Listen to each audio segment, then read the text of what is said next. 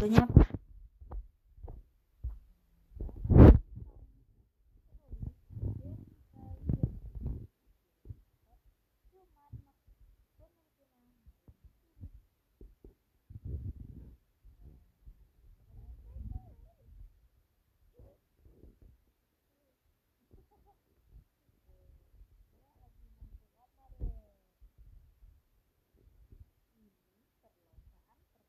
Lintang seperti teman-temannya.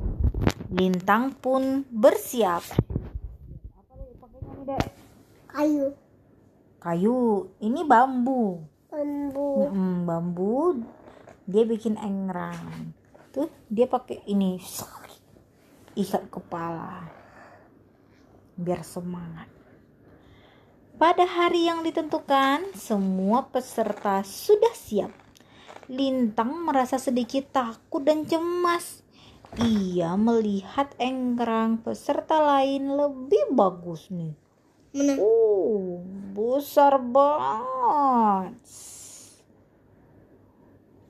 Ada yang pakai ini lagi nih. Mana? Nih, Kayu. helm. Perlombaan dimulai. Semua peserta memacu engkrang dengan semangat. Wish, wish, wish, ngebut semuanya. Ini sangat menyenangkan. Rasanya seperti terbang. Tiba-tiba, aduh, lintang oleng. Tampaknya lintang terlalu bersemangat. Hampir saja ia menyenggol temannya.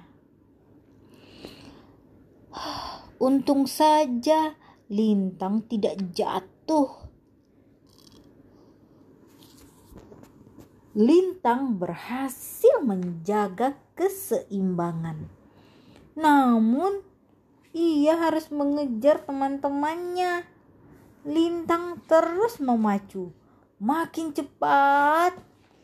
Cepat. Tiba-tiba apa nih? Ah. Bruk. Oh. Belnya patah.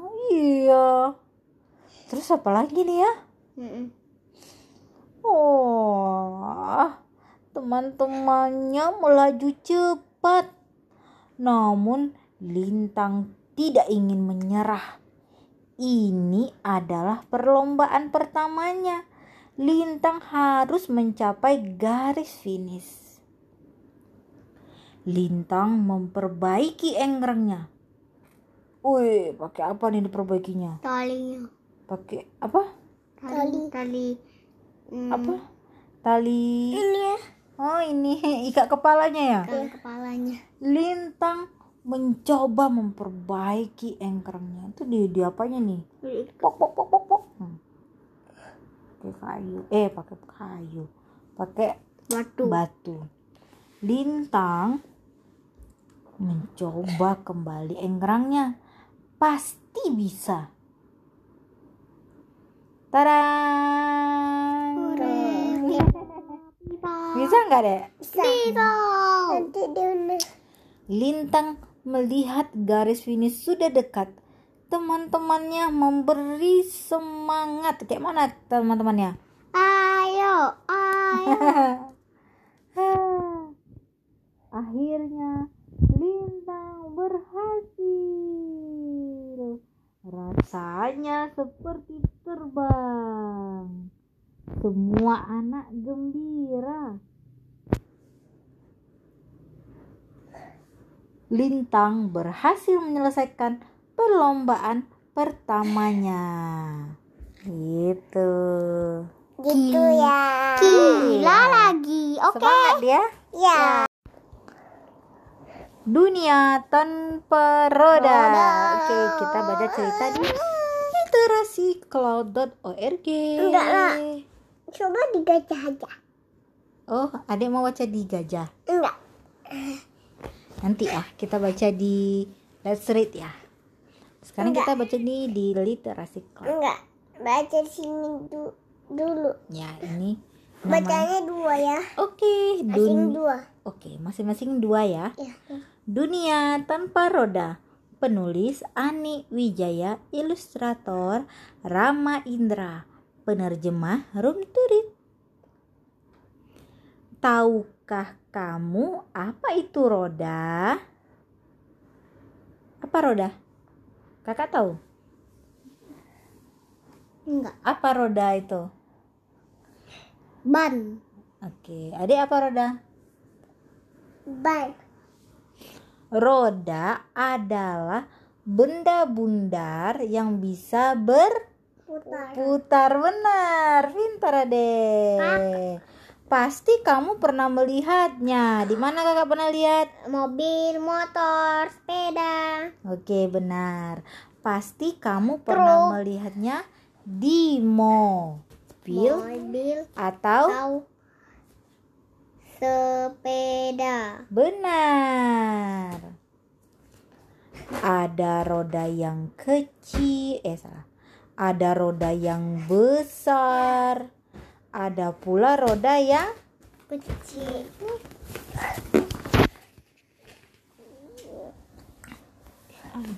roda yang besar, ada roda yang kecil.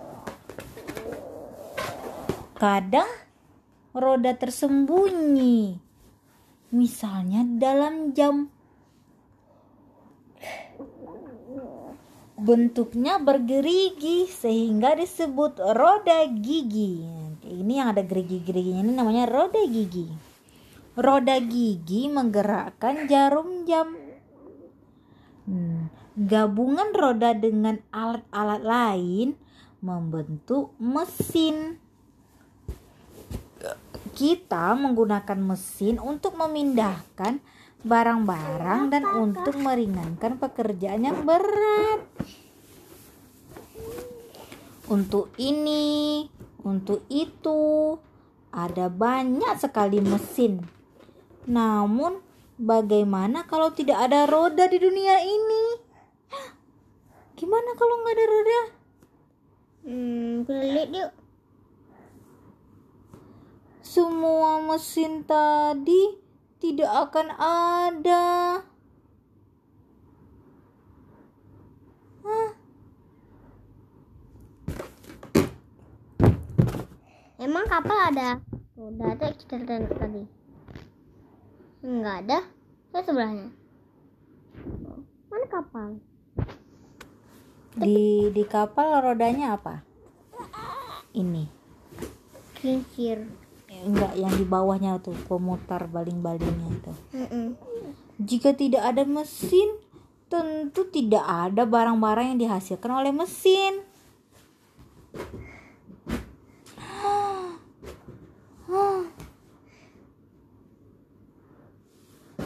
Jika tidak ada mesin, semua benda harus dibuat dengan tangan atau dibantu hewan. Dulu orang nggak ada mesin, Kak. Nenek sekarang menjahitnya pakai apa? Mesin jahit kan? Ya. Dulu orang pakai tangan, macam ini kak. Sekarang Umi Rodanya? bikin bumbu pakai apa? Blender, Mek. Dulu dicek cek. Gitu kak. Dia dulu pakai hewan tuh aja. Ah. Terus? Namun terkadang ada masalah. Kadang-kadang hewan tidak mau menurut. Itu hewan siapa? Hewan dia nggak nurut, disuruh bawa barang kabur. Yang jelas tanpa roda hidup kita akan berbeda. Banyak hal yang akan hilang, namun tidak semuanya buruk. Jika tidak ada roda, tidak akan ada asap kendaraan. Tidak akan ada pula limbah yang mengotori sungai. Jadi, mana yang kamu pilih? Ya, ini siapa? Dunia Atau dengan roda atau tanpa roda? Kakak mau ini mana? siapa? Dia nggak ada roda. Dia pakai hewan. Dia ada roda pakai skateboard. Kalau kakak pilih mana? Ada roda, tapi jadi banyak asap motor, asap mobil, banyak limbah-limbah pabrik, pencemaran air, udara jadi kotor, atau nggak ada roda tapi kita bikin semuanya sendiri, bikin baju sendiri, bawa barang pakai hewan. Kakak mau yang mana? Yang skateboard. Yang apa? Skateboard. Skateboard. Berarti kakak mau dunia yang ada roda. Kalau nggak ada roda kakak nggak bisa naik sepeda. Kalau nggak ada roda kita nggak bisa naik mobil. Kakak naik motor? Nggak ada rodanya macam mana dek naik motor? Nggak ada roda. Ada naik kuda aja. Sama naik kambing. Be. Ini naik kambing, ada naik kuda. Kenapa? Umi kan besar, ada kecil, ada naik ada naik kambing muat loh. Mana ada? Ada yang mau nggak naik kambing? Enggak lah. Hei, Umi, Umi. Oke. Kita mau baca cerita apa yuk? Apa yo? Nggak sakit ya, Mi? Iya sakit. Gak apa-apa kita baca satu dulu ya. Ada udah dua. Oh ya ada ada dua. Lebar satu. Goria Gaga Penulis Rum Turit Ilustrator Michelle Michelle Sagik Wah Michelle. iya Kayak sama teman kakaknya. Goria Gaga ingin menjadi cantik Ia iri pada Nuri dan Merak Goria suka sekali ekor warna-warni Merak Setiap melihatnya, Goria tak sanggup berpaling.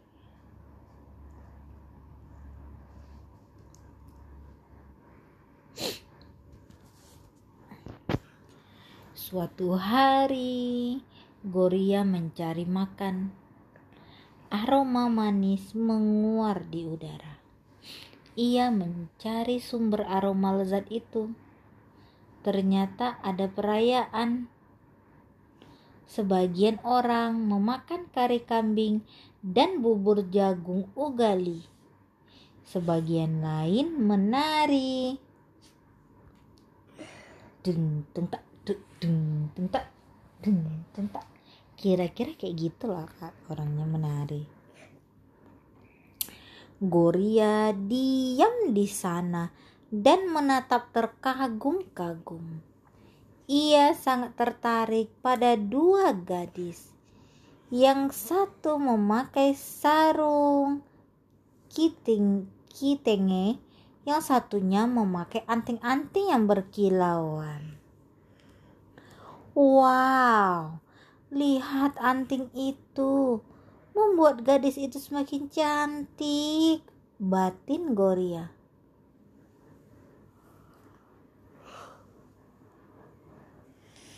setiap gadis itu menari, antingnya bergoyang dan berkilau indah. Goria menginginkan anting-anting itu. Andai saja anting-anting itu jatuh, ia akan menyambarnya. Goria menunggu di dahan pohon ia hanya ingin lebih cantik daripada Nuri dan Merak. Yang ia butuhkan hanya anting-anting itu. Beberapa orang melihat Goria dan mengusirnya. Apa nih? Hmm, gitu. Apa katanya, Dek? Su, su, su. Mereka pikir Goria mengincar makanan. Goria terbang ketakutan. Ia sedih, tapi pantang menyerah.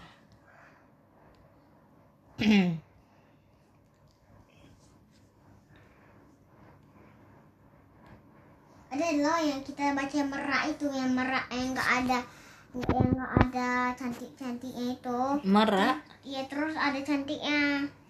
Pas dia dapat ambil-ambil daun itu. daun. Oh, itu merak. Keesokan paginya, Goria pergi ke pasar. Ia mendatangi per pedagang perhiasan. Beberapa harga anting-anting mengkilap itu? Tanya Goria. Kamu mau bayar pakai apa? Kamu kan gagak.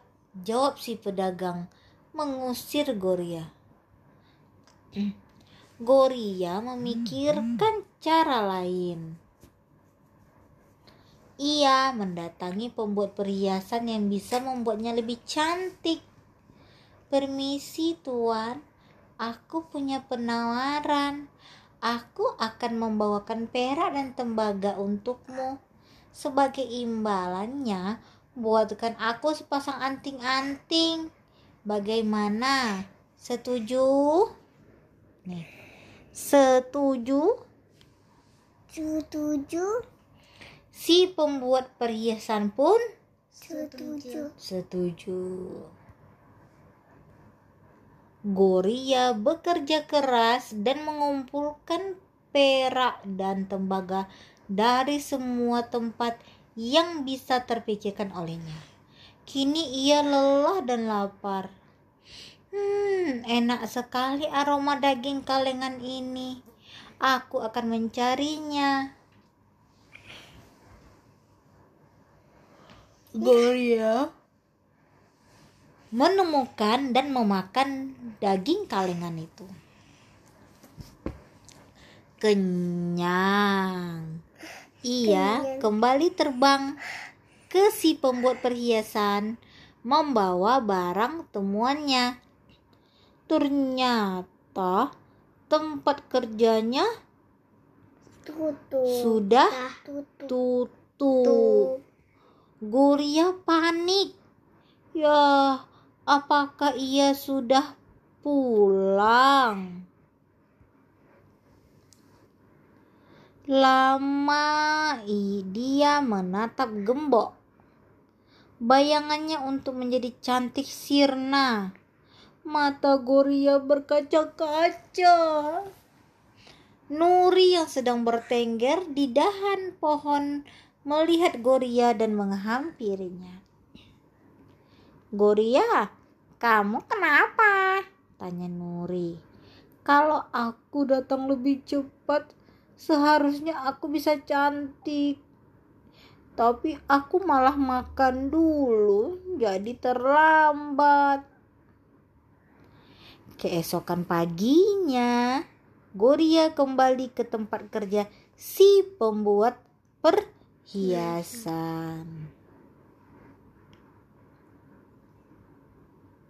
Ketika pembuat perhiasan datang, ia menerima sekantong perak dan tembaga dari Goria. Tanpa bicara, dia langsung bekerja. Tak lama kemudian, anting-anting indah itu pun selesai. Dia menyerahkan kepada Goria. Goria merasa sangat gembira membayangkan betapa cantiknya dirinya sebentar lagi.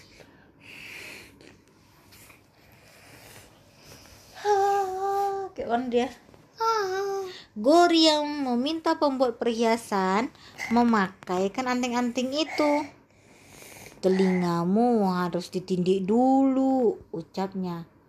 Goria tidak tahu siapa yang bisa menindik telinganya. Ninti.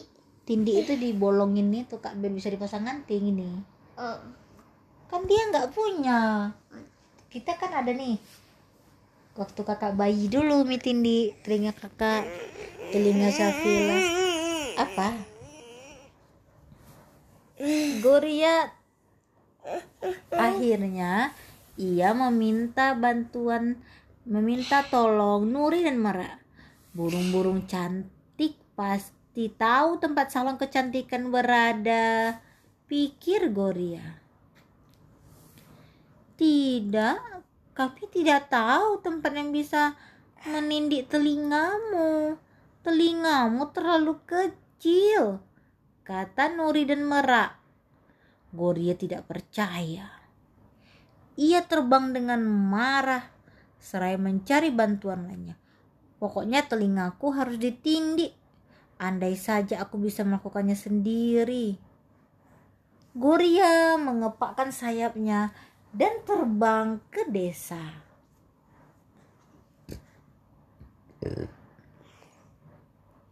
Di sana, ia mencari gadis yang melihatnya saat perayaan. Di sana, ia mencari gadis yang dilihatnya saat perayaan. Ia menemukan salah seorang dan memanggilnya. Kroak, kroak. Gadis itu tidak mengerti perkataannya dan malah mengusirnya. Ke mana pun pergi, Goria diusir. Tak lama kemudian ia lelah dan lapar. Hari sudah sore. Aku harus mencari makan. Aku harus kuat supaya dapat mencari orang yang bisa menolongku. Aku akan jadi cantik. Tak ada yang bisa menghentikanku. Ia terbang dan terbang sampai senja menjelang. Bisa nggak dia jadi cantik? Enggak.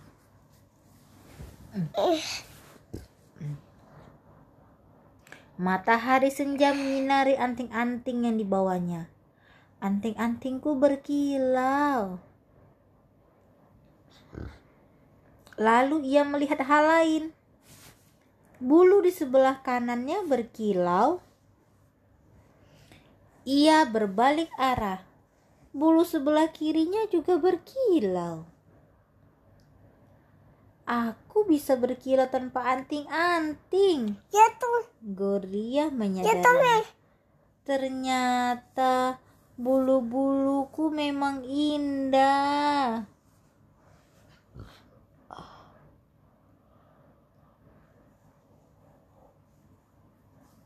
Nggak jatuh, dia buang lah. Taruhnya di bawah. Goria tersenyum dan pergi mencari makanan enak. Goria panggil sebuah suara.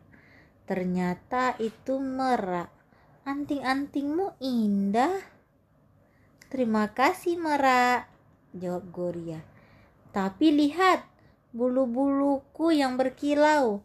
Bukankah lebih indah? Tuh, ternyata dia juga sudah cantik Gorianya. Nggak pakai anting-anting juga berkilau. Demi. Kacamata, aduh, aduh sakit banget. Teh. Permainan misteri terus apa lagi? Bawahnya.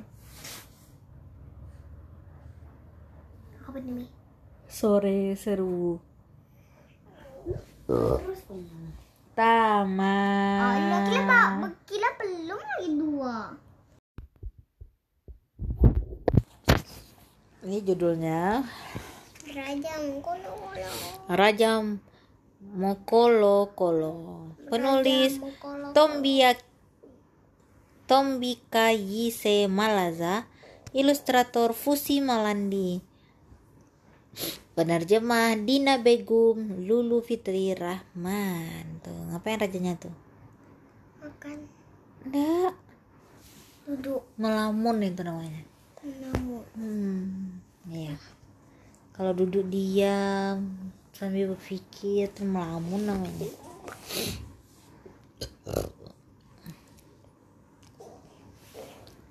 Raja Mokolo Okolo kaya raya.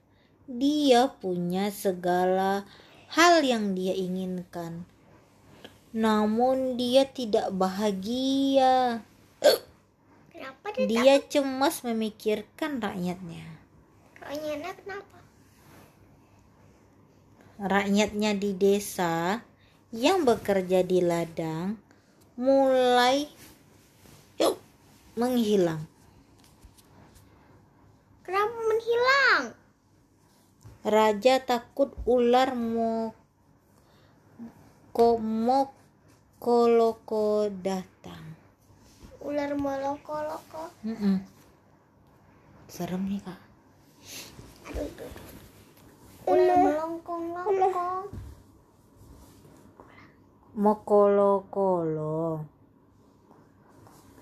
Raja mengadakan pertemuan desa.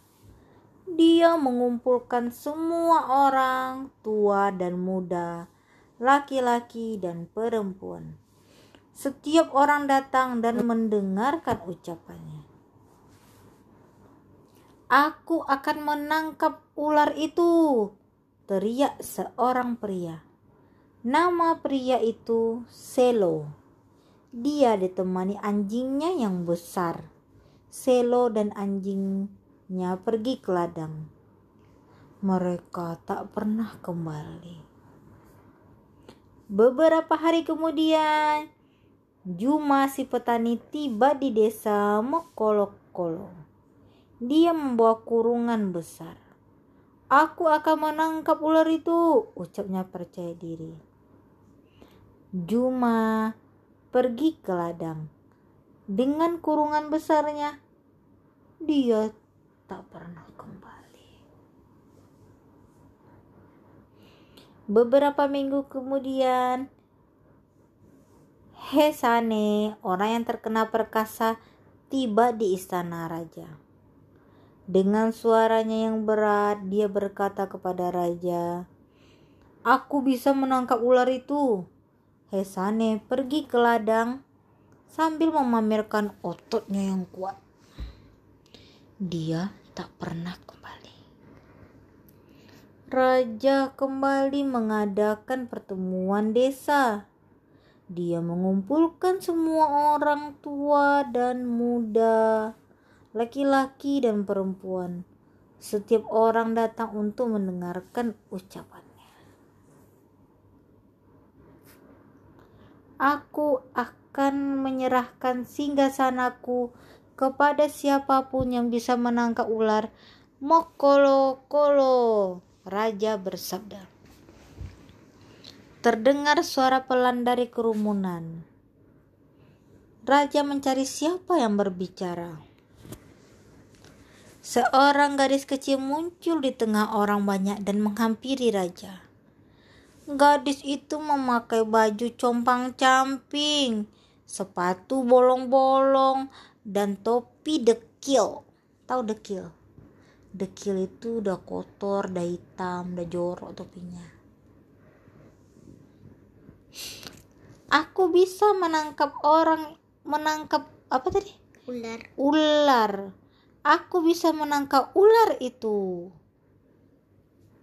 Warga yang hadir terbahak-bahak mendengarnya. Tak ada yang percaya gadis kecil sekecil dia akan berhasil melakukannya. Namun raja berkata, "Jika kamu bisa menangkap ular itu, aku akan menyerahkan singgasanaku kepadamu." Singgasana itu tempat duduk raja, Kak. Tahu Kakak singgasana apa? Tempat duduk. Besok paginya gadis itu meninggalkan gubuknya saat hari masih gelap. Dia menjunjung belanga berisi bubur dan pergi ke ladang. Seluruh desa menunggu dia kembali. Ketika matahari hampir terbenam, warga desa mendengar suara nyaring dari ladang. Kresek, kresek, kresek, kresek. Mereka semua lari dan bersembunyi. Mereka mengintip dari rumah masing-masing. Mereka takut akan ular itu. Dari ladang muncul gadis kecil berbaju compang-camping, sepatu bolong dan topi dekil. Dia membawa belanga kosong di satu tangan dan ular di tangan satunya. Diikuti dia diikuti oleh Hesene, Juma, Selo, dan anjingnya, dan semua warga desa yang hilang. Kok bisa ya, Kak?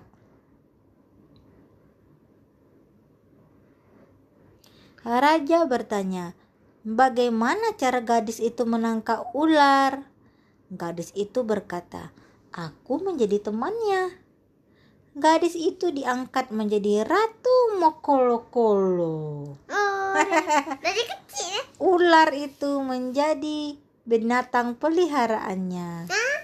tamat wah gimana ya kak caranya ya kak Oh, hebat nih. ah, Gak jadi yang lainnya tangkap kan? Mm-mm. tamat mantap juga dia kak Masih kecil dan sangkat.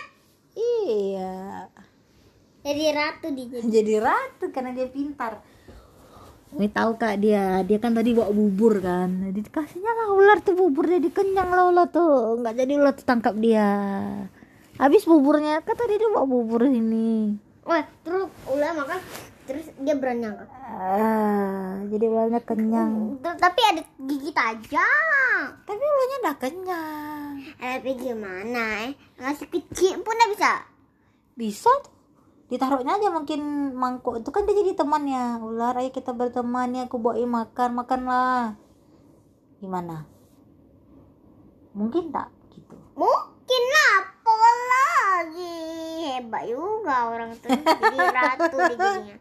jadi ratu dia hebat pula. Assalamualaikum. Assalamualaikum. Kita baca cerita dari literasi.cloud.org room to read judulnya apa kak tadi Oni dan Dan Ani. Nah, ini sampulnya ada anak-anak lagi banyak yang bermain. Aduh, lemon ada pelekot. Ada Doraemon pula. Di sini yang mana yang paling kakak suka nih di gambar ini? Apa itu? Ikan tuyul. Dan lampu aja. Oh, ikan ini kalau Safira suka yang mana? Dole, Ah, Doraemon sama? Doraemon sama pesawat. Oh, orang ah, ada yang naik pesawat. Hmm. Ada juga. Oke. Musim panas tiba. Waktunya libur sekolah. Anak-anak bisa tidur sepuasnya. Tuh. Ini hari pertama libur sekolah.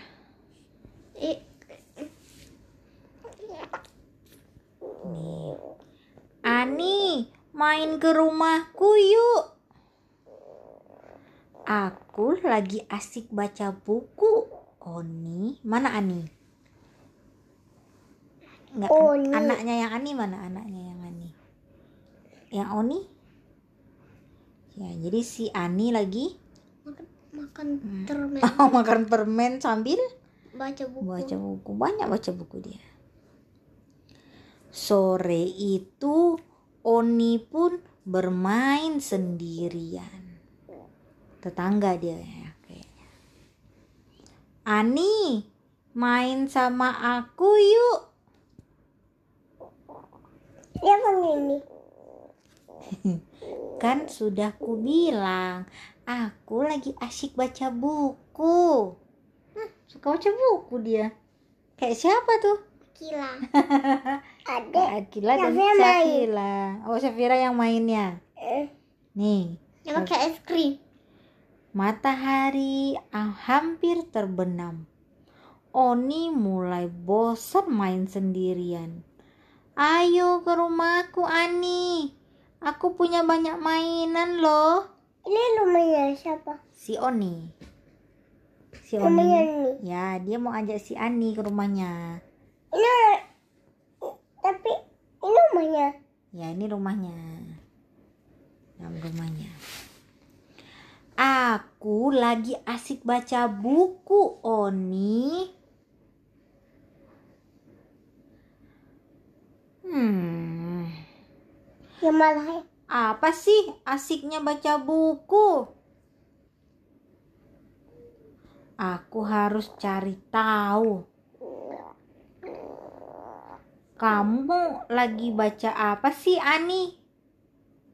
Aku sedang menyelamatkan putri raja, Oni. Oh, baca cerita putri.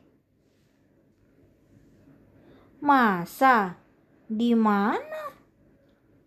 Coba lihat. Tak lama, Oni dan Ani mulai bertarung melawan monster. Apa monsternya? Ular. Ini siapa? Putri. Kayaknya takut sama ular. Ya, putrinya ditangkap sama ular. Di buku ceritanya ini, mereka baca cerita putri yang lagi ditangkap sama Ular. ular. Dia mau menyelamatkan putrinya. Tuh. Akhirnya mereka berhasil Mati ya dia. menyelamatkan Putih. sang putri. Jadi mereka baca cerita putri nih. Sejak itu Oni suka datang ke rumah Ani. Ngapain dia? Itu buku. Baca buku. Bukunya seru-seru. Dan mereka asyik membaca buku bersama. Di atas pohon. Tuh di atas pohon. Baca buku apa dia? Buku apa nih? Ada buku apa nih? Doraemon. Buku Doraemon. Buku Buku dokter. kakek yang jadi dokter. Dokter apa dia? Hewan. Dokter Itu hewan. putri sama Nah, itu putri tadi yang diselamatkan itu kan? sama kebakaran. Bukan kebakaran tuh sayang raja, enggak tuh. Kayak mahkota gitu loh, Nak.